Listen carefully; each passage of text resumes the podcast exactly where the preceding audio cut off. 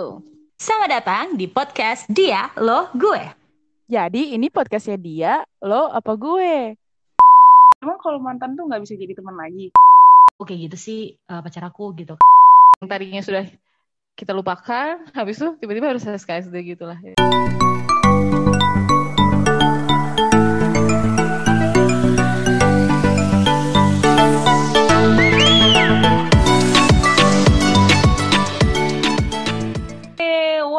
Seru banget nih. Akhirnya kita ketemu lagi di episode kedua kita dengan yes. judul hmm, mantanku aktif ya bun gitu asik. Mantanku.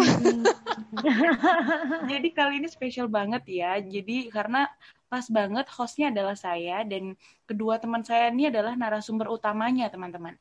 Di mana mereka ini sudah wow. dalam hal permantanan dan di podcast kita kali ini itu tentang mantan yang aktif begitu. Dan mungkin langsung saja ya um, saya langsung tanyakan dulu aktif ini maksudnya apa ya?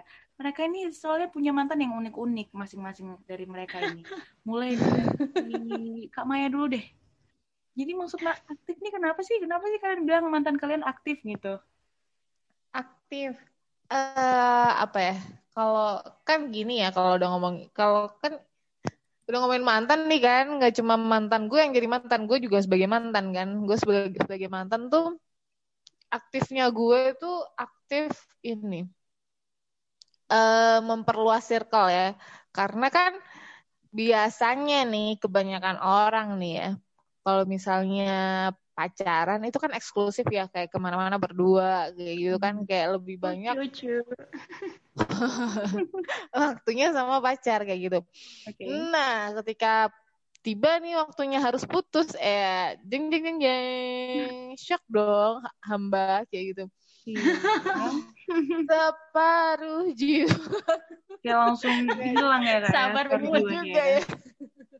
kan aku langsung kayak aduh sama siapa nih gue maksudnya iya. kayak bukan pacaran sama siapa maksudnya kok tiba-tiba harus jadi sendiri kayak gitu kan mm-hmm. yang biasanya tuh sama pacar temennya dilupain nah kali ini bingung nyari temen nah tuh peringatan aktifnya itu yang lagi pacaran ya biar gak bucinnya keterlaluan ya temennya sampai dilupain gitu iya bener Nah, okay. aktifnya gue Berarti, tuh lebih aktif hmm, nyari okay. temennya. Okay. Itu di gue. Oke. Okay. Terus kalau yang uh, mantannya kakak gitu aktifnya kayak gimana kak?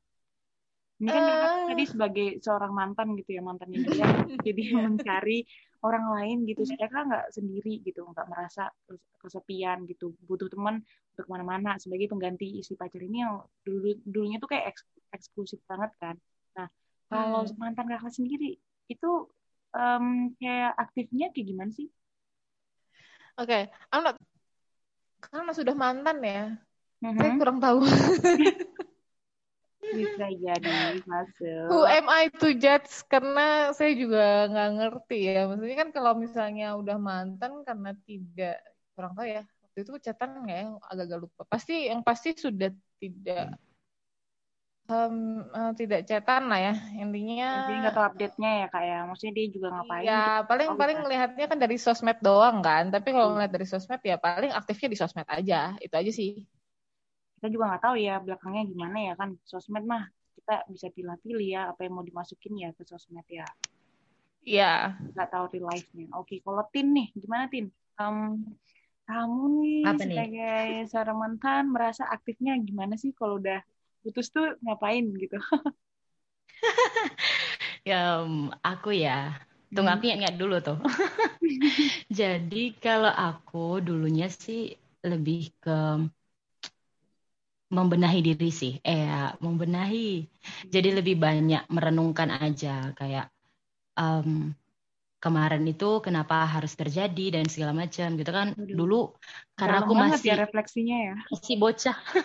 Karena dulu kan pas pacaran tuh masih bocah banget kan. Ibaratnya baru pertama kali juga. Aku nggak ngerti pacaran tuh harus gimana dan segala macam gitu gitu kan. Jadi ngerasa kayak oh oke okay, kayak pacaran harus posesif gitu mikirnya Yuh. jadi kira kayak gitu mungkin kayak gitu kan jadi kayak iya. lebih ke um, ketika putus tuh aku lebih ngerasa oh, oke okay, kayaknya yang itu salah deh gitu lebih kayak coba untuk upgrade diri gitu sih aktifnya Oke, keren banget ya. Jadi kayak lebih pengen memperbaiki diri lah gitu ya. Instead of ngejudge Iya. apa mantan, mending kita aja yang perbaiki diri sendiri. Hmm, sorry. Bener. Aduh, sampai ini nih kayak sambil ngomong malah sendawa. Oke, terus hmm, lagunya kalian kira-kira gimana sih? Kayak apa? Em, Maksudku tuh, hmm, ya kalian tahu mantan kalian juga aktif dan kalian juga kayak merasa pengennya aktif aja gitu kan, biar nggak biar nggak kelihatan miris banget gitu udah jadi mantan diputusin sama pacar terus kayak sedih terus, galau terus, nggak ya untungnya kalian sih nggak nggak pada galau uh, terus-terusan ya. Nah, tapi ada nggak sih struggle-nya saat kalian kayak mencoba aktif setelah udah break up gitu? Uh, ada nggak kayak um, tantangannya gitu yang mungkin ke flashback lagi apa gimana? Coba dari siapa ya? Aku pengen dari Tin dulu deh, Tin. Sudah kuduga nih. um, aku ya, struggle-nya pasti ada, pasti tetap ada. Apalagi kayak aku udah mention sebelumnya kan, uh, Hmm. di mana aku memulai hubungan yang uh, mungkin mungkin efek gara-gara baru, jadi kayak uh, maunya idealis gitu loh, maunya kayak punya hubungan yang kayak gini, satu sampai selamanya dan segala macam gitu kan. Nah jadi kayak lebih ke arah ketika putus tuh baru ngerasa kayak eh ternyata nggak selamanya sesuai dengan apa yang aku pikirin, nggak selamanya sesuai dengan apa yang aku harapin kayak gitu. Apalagi kondisinya buat aku pribadi karena aku punya kebiasaan nah ini uh, bagi teman-teman yang dengar, aku harap sih bisa jadi pelajaran juga ya. Aku tuh sukanya dulu kalau ada masalah atau segala macam pasti Mhm. ngomongin putus gitu kan. Kayak Oh. mungkin jadi ancaman kali ya. Jadi kayak ngerasa biar biar si pacar aku ini bisa bisa tetap long last gitu sama aku. Jadi kalau misalnya aku minta Oh putus nih, wow. minta maaf atau apa gitu loh, kayak memperbaiki gitu-gitu. Padahal sebenarnya ekspektasi itu gagal total gitu. Maksudnya kayak di mana aku belajar kalau ketika kalau aku pun uh, kalau misalnya mantan aku kalau ada masalah dia minta putus dan segala macam pasti ada momen di mana aku capek momen di mana aku ngerasa kayak kok kayak gitu sih uh, pacar aku gitu kan kok Hmm. apa apa minta putus dan segala macam itu nggak sehat sih di hubungan menurut aku Iya. dan ketika struggle-nya itu ketika udah se udah putus gitu kan udah jadi mantan mungkin lebih ke karena dulunya uh, aku masih dalam satu kota yang sama Mhm. uh, karena emang apa ya di satu komunitas yang sama juga jadi kayak struggle-nya yaitu masih melihat dia di sana di sudut sana gitu kan tapi kayak kayak tetap tetap harus profesional juga karena ada um, pekerjaan atau pelayanan yang sama juga kan jadi kayak Iya. nggak bawa kehidupan personal di uh, ladang itu gitu di di pelayanan itu gitu jadi apalagi untuk anak-anak ibaratnya kayak teman-teman di sana kan uh, sebagian besar temannya aku adalah temannya dia juga gitu kan Iya. jadi gimana kami struggle-nya itu di aku gimana kami bisa tetap kelihatan ber- berteman. Aduh Aduh. kelihatan berteman biasa aja gitu kan Heeh. walaupun dalam hati kayak aduh gimana coba kalian bayangin masih statusnya mantan tapi masih kayak kudu harus berteman gitu tapi ya Iya. itulah struggle-nya struggle-nya di situ sih karena masih dalam satu kota yang sama gitu menurutku sih gitu Asik ya. Berarti, Tapi berarti emang kalau- tuh waktu mencoba ma- aktif upgrade diri dengan apa yang dilakukan ya. Karena eh, apa karena masih satu lingkungan kayak gitu jadi Mm-mm. buat kamu agak terhambat gitu ya agak-agak ya jadi kendala ya itu ya. Bener kak. Jadi karena mungkin lebih ke ketika mau upgrade diri gitu kan, eh, memperbaiki kesalahan dan segala macam. Ketika kita masih lihat subjeknya itu di depan kita, kita lebih condong ke kayak kesel marah gitu loh ke diri kita sendiri, ke aku ya. Maksudnya dulu tuh jadi kehambat gitu untuk aku bisa cintain diri aku, untuk bisa menerima setiap kesalahan-kesalahan aku lakuin gitu-gitu loh. Karena emang subjeknya ada di situ jadi kayak ya gimana ya kayak gitu sih. Iya. Kayak masih ada penyesalan gitu ya, kehantuin rasa penyesalan gitu ya. Ya ini balik lagi ya saya ke hostnya ya. Ini saya hostnya sekarang. Iya. Gue penasaran banget soalnya. Ntar deh di balik layar. Mai, maaf, Oke. maaf. maaf ya yang mendengerin nih soalnya saya hostnya hari ini. Oke jadi Baik. ini Oke ibu host. menyimpang sedikit. Kita serahin. Iya. Emang kalau mantan tuh nggak bisa jadi teman lagi? Menurut kalian gimana? Waduh. Wah. Iya Um, kan? Maksudnya gimana tuh nih? Tuh kayak sering banget kejadian kayak um, udah udah putus nih gitu tapi udah nggak bisa jadi teman gitu. Either takut um, menyakiti orang yang baru kita misalnya gitu kan masih kayak uh, kita bersama orang yang baru atau malah si mantan kita ini udah bersama orang yang baru gitu. Menurut kalian emang kita nggak bisa berteman lagi apa gimana? Ada pandangan nggak? Siapa nih yang mau jawab Hmm, uh, hostnya dari mungkin. Kak Maya dulu deh gitu dari Kak Maya dah. Gue. Maksudnya pertanyaannya biar gampang dulu. Um, menurut kalian masih bisa berteman apa enggak? Uh, masih dan ada yang tidak. Depends on the apa ya, subjek ya orang yang menjalani. Kalau lu menurut kalau bisa nggak kalau aku sih um, aku pribadi sih aku ngelihatnya. Aku nggak tahu gimana yang lain ya. Kalau aku hmm. sebenarnya mau mau banget untuk berteman kayak okay. ya jadi ini sebelum ya, kita suka terbuka untuk iya. mantan ya. Enggak juga sih. Tolong ya enggak juga. Enggak sih maksudnya gini. Ketika kita belum pacaran pun kan status kita teman. Jadi masa kita kalau aku secara pribadi ya ngerasa kalau bisa berteman akan lebih akan lebih baik gitu kan. Tapi mungkin kenapa ada orang yang uh, pada akhirnya nggak bisa berteman? Kalau menurutku mungkin ada hati yang terja hati yang harus dijaga atau hati. mungkin apa ya? mungkin kayak ngerasa kalau nanti temen jadinya balikan atau apa gitu kali ya. Nggak ngerti juga. Enggak juga sih. Nah, mungkin mungkin. juga aku sih. aku nggak tahu sih. Kayak rata-rata ya teman-teman yang yang pada akhirnya berteman sama temennya teman-teman aku itu sama mantannya mereka kayak gitu gitu. Nah aku secara pribadi kalau menurutku menurut aku nggak apa-apa juga. Maksudnya it's okay kalau misalnya mau berteman dan bisa berteman.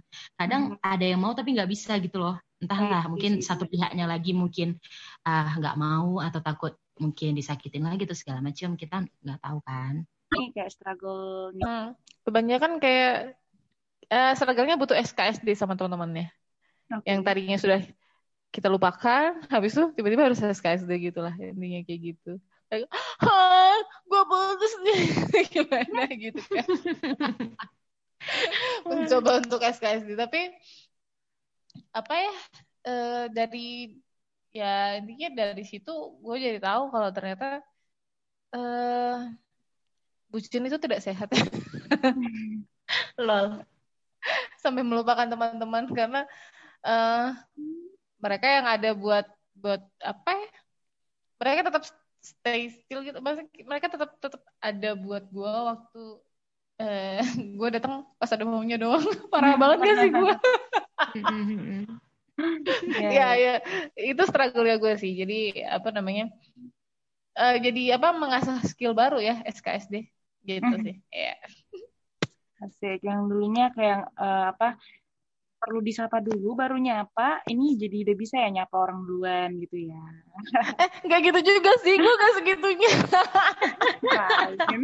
Ya ya ya ya kasarannya kayak gitu tapi tenang gue juga sering nyapa orang kok. Hmm. oke okay, siap deh kalau gitu pasti ya kan karena saya memang nggak punya ini ya kayak hmm, official mantan gitu, officially mantan gitu. Jadi makanya saya ada di sini sebagai host gitu.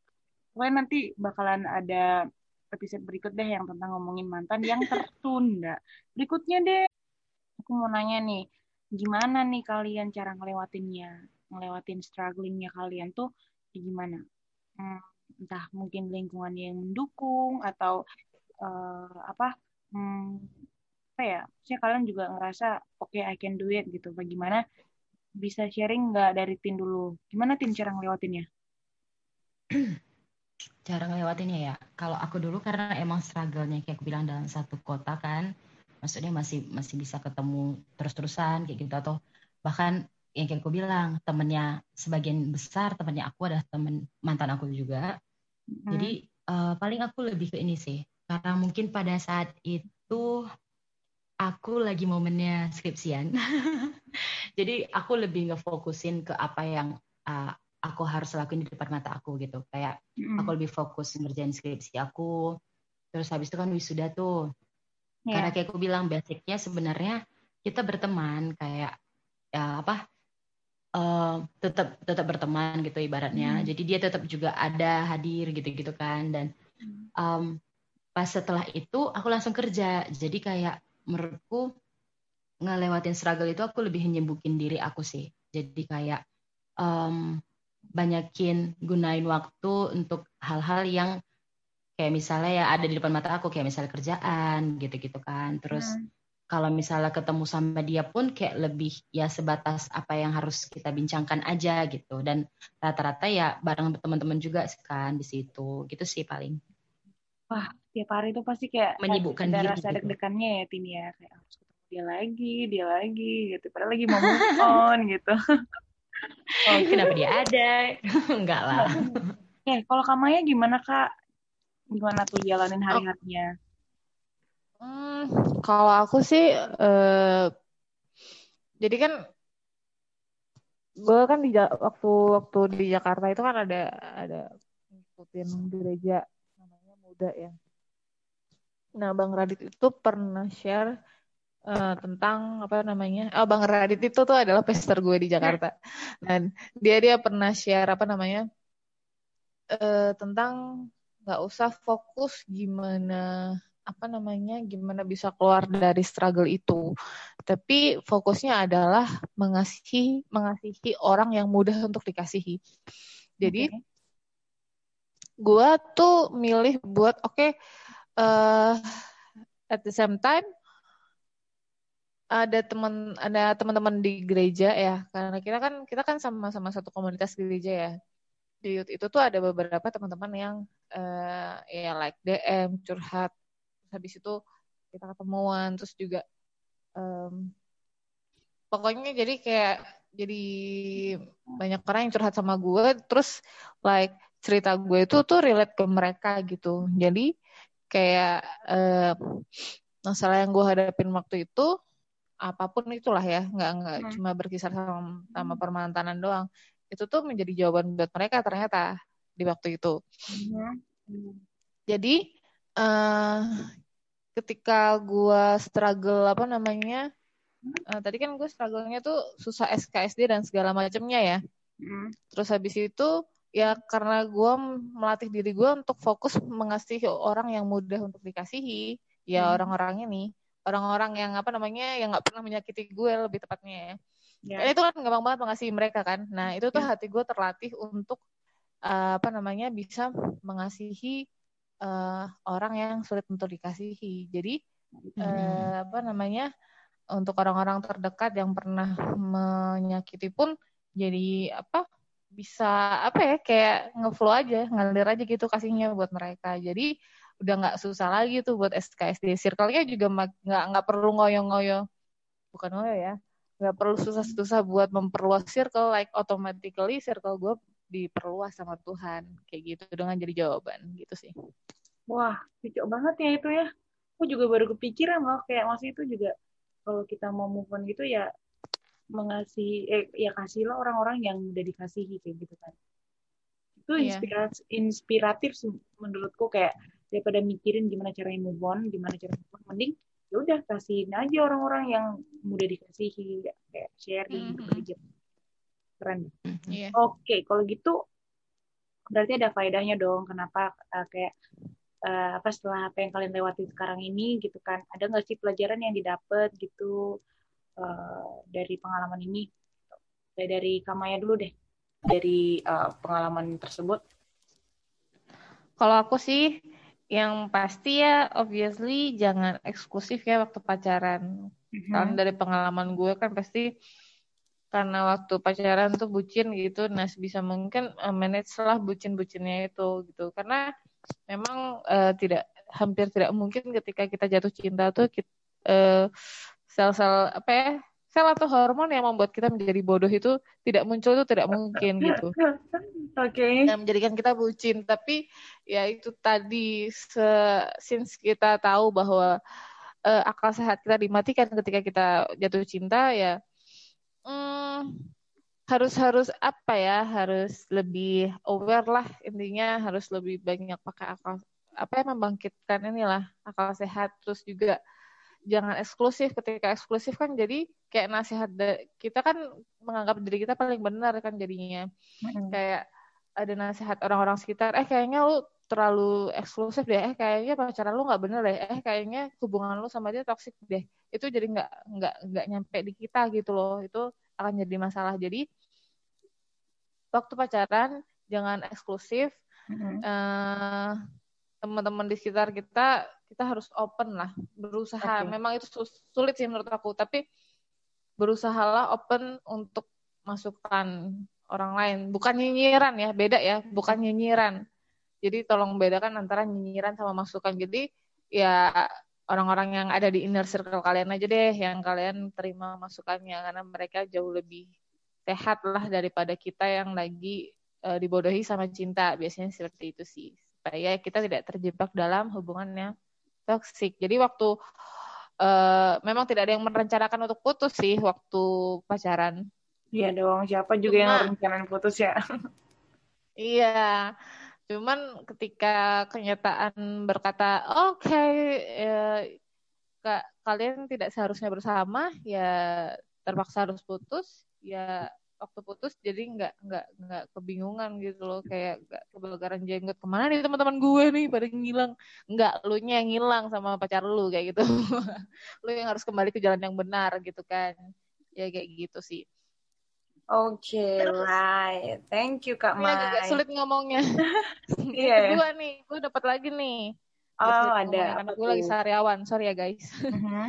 Terus habis itu, kalau putus jangan sendirian. Gue tahu sih, misalnya kayak ada apa namanya perasaan, wah kemarin waktu gue pacaran nih, kayaknya gue eksklusif nih, gue nggak nggak punya banyak waktu buat teman-teman gue. Mereka masih mau menerima gue nggak ya?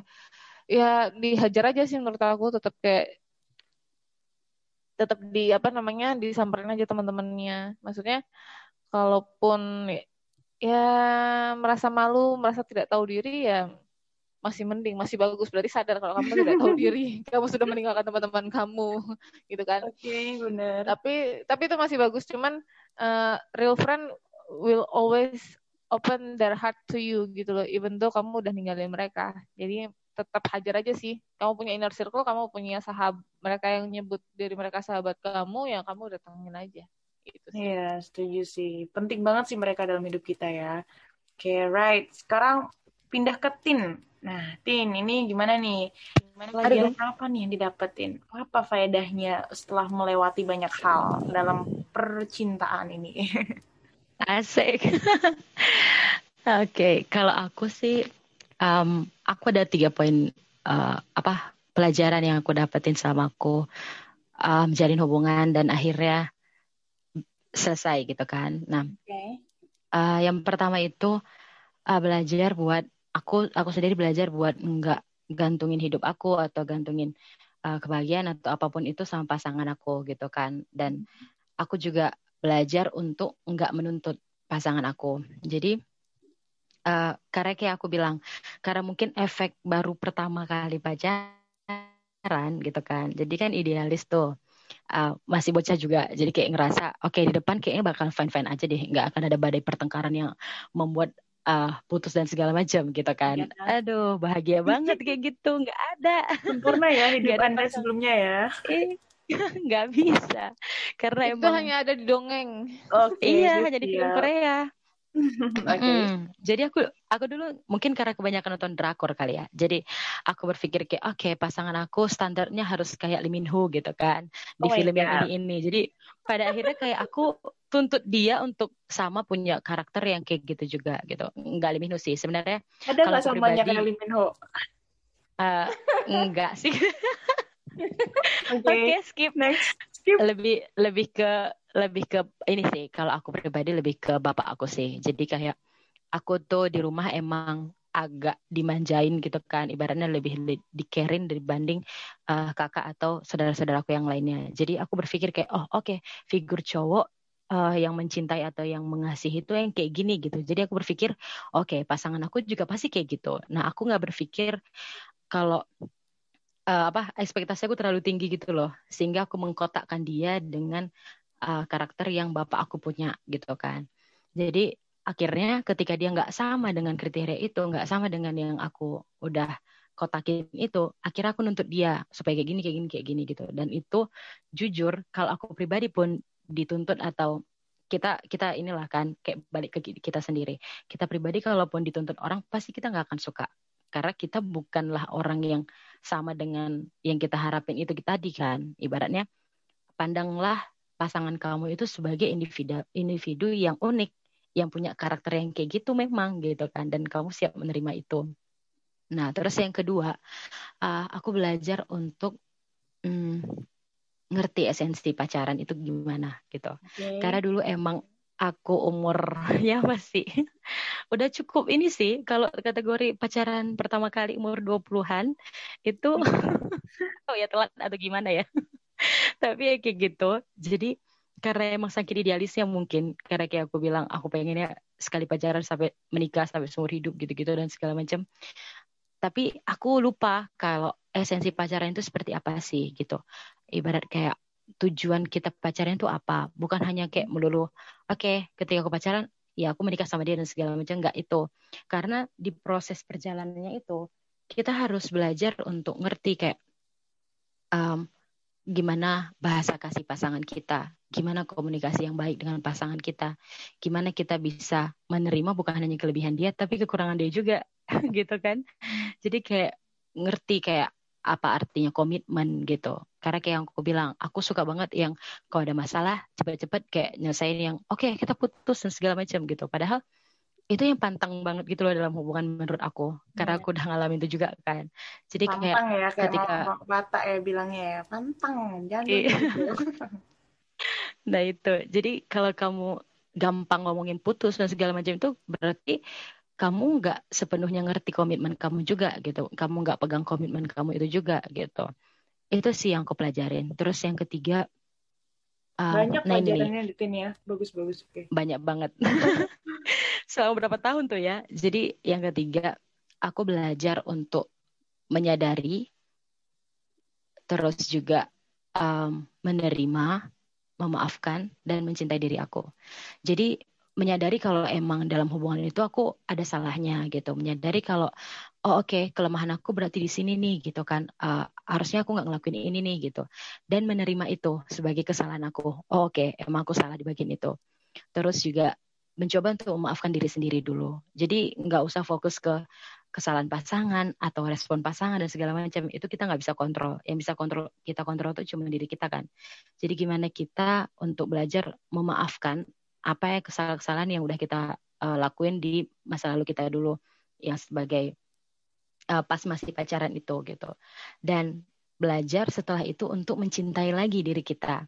Jadi kalau menurut aku pribadi kalau kita nggak bisa cintain diri kita nanti kita con uh, apa cenderung uh, kayak apa ya lomba-lombaan. Kayak ketika kita ngeliat nih di medsos pasangan kita eh udah upload sama cewek baru gitu kan Uh, misalnya kita berpikir kayak, eh dia udah upload, eh dia udah punya nih, padahal baru sekian bulan gitu misal ya aku nggak nggak ini ya, maksudnya misal kayak gitu kondisinya. Uh, jadi kita berpikir kayak, eh aku juga harus nih punya kayak gitu, karena dia kayaknya bahagia banget di medsos gitu kan, dia kayak happy happy banget.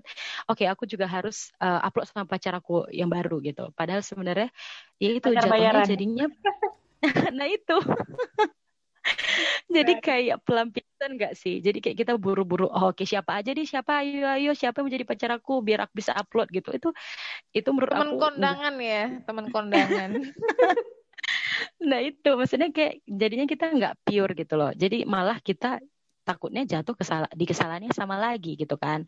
Apalagi khususnya buat aku aku nggak mau punya mantan yang untuk ini sih untuk selanjutnya gitu nggak nggak akan cukup satu aja. Okay. jadi um, habis ini pengen karena, serius ya? Iya jelas. Langsung nikah aja dulu ya? nggak serius ya? Emang dulu nggak serius ya? Bukannya dulu pengen serius juga, tapi ending-endingnya. nah itu kak. Jadi ya, itu. kadang tuh di perjalanan set set set gitu kan. Nah, mungkin ketika udah ngalamin itu jadinya bisa ini kan belajar kan dari situ. Oh oke, okay, ternyata kayak gini nih gitu terus apa sama juga kayak yang kaitan dengan lomba-lombaan itu kita nggak usah pedulin gimana mantan kita sekarang keadaannya dan segala macam gitu kan. Uh, ya udah biarin aja.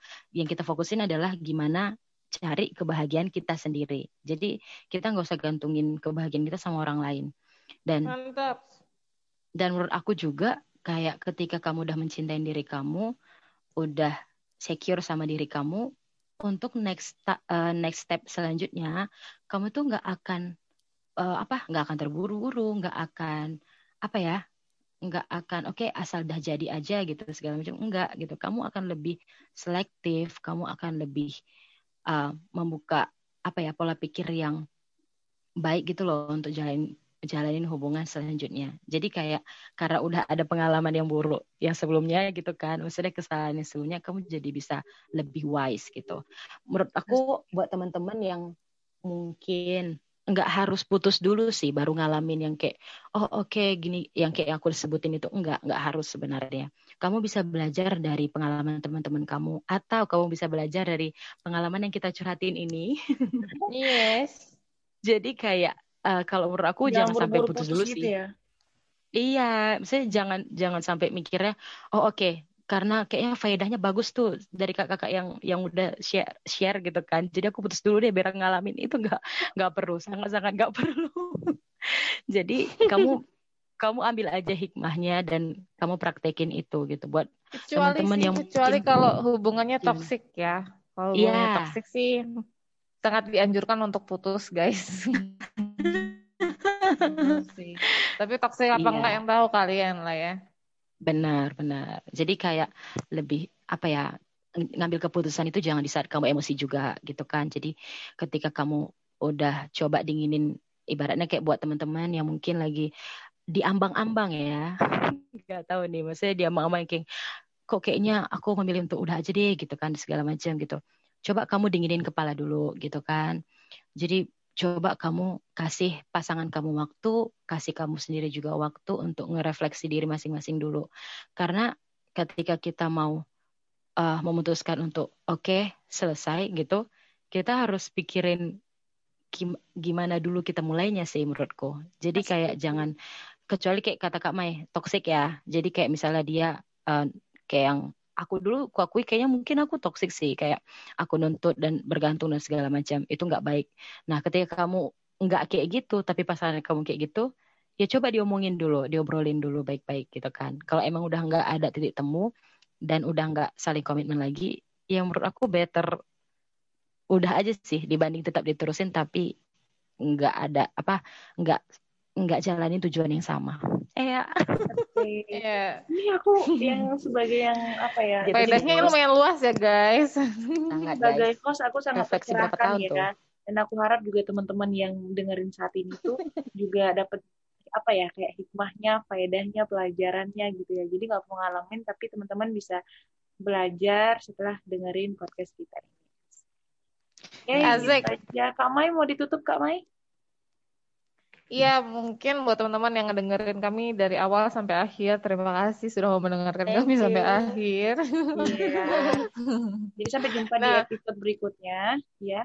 Of course. Nah, yang pasti buat teman-teman oh, buat kalian yang punya teman-teman yang lagi ngalamin struggle yang sama, mungkin yes. uh, di topik yang lagi kami bahas ini, uh, ya kalian bisa apa namanya share link podcast kami ini di Spotify ini yeah. ke teman kalian itu yang membutuhkan. Benar. Ya, who knows, apa namanya untuk untuk apa ya lebih kayak menambah perspektifnya. Yeah. Karena kadang kadang kalau orang yang dari lagi dalam masa struggle itu tuh perspektifnya masih sangat-sangat apa ya kayak buntu banget gitu loh kayak namanya jalan buntu. Nah, memang butuhin kayak uh, pandangannya orang lain supaya bisa melihat apa ya kejadian itu dengan perspektif yang jauh lebih luas itu aja sih ya hopefully mm. uh, podcast ini bisa menjadi jawaban buat teman-teman dan berkat buat teman-teman well I guess that's all from us oke okay. Oke, okay, terima kasih Thank semua you. yang udah mendengarkan. Terima kasih Thank buat you. Kamaya dan Tin yang jadi main yes. um, sources for today gitu. Dan sampai jumpa di episode berikutnya. Bye-bye. Bye bye. See you. See you. See you.